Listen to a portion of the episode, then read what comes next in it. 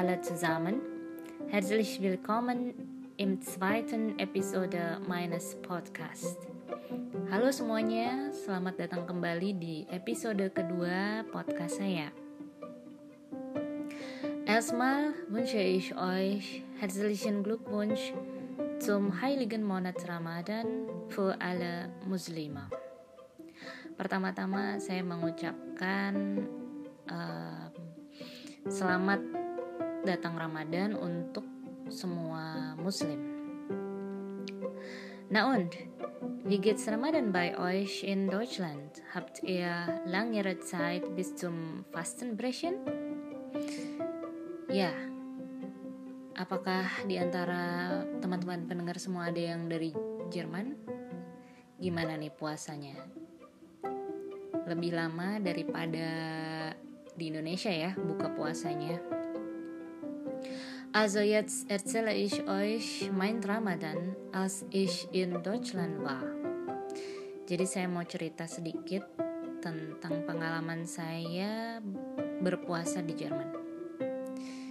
Ich habe ungefähr um 4 Uhr am Morgen mit Fasten angefangen.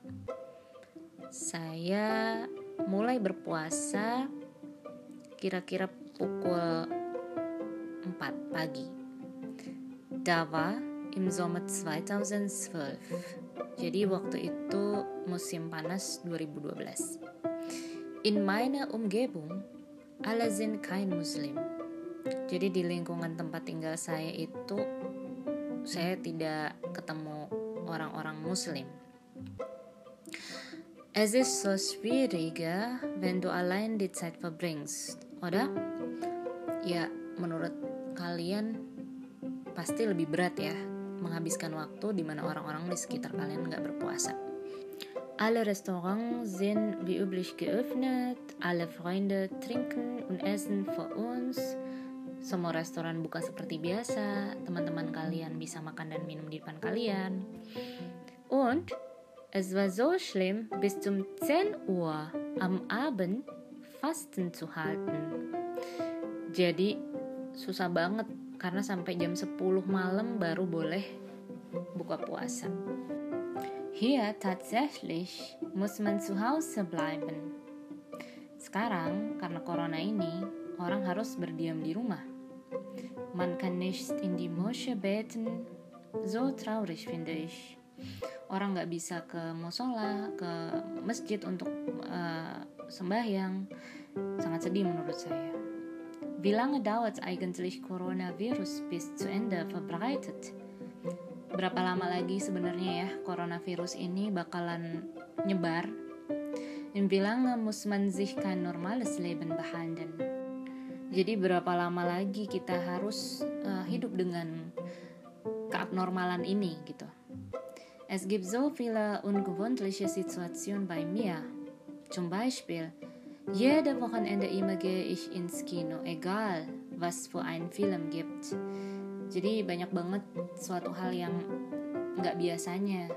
Bagi saya nih contohnya yang paling gampang setiap minggu biasanya saya pergi ke bioskop. Terserah deh mau ada film bagus mau ada film jelek. Aber jetzt nicht mehr. Gott sei Dank.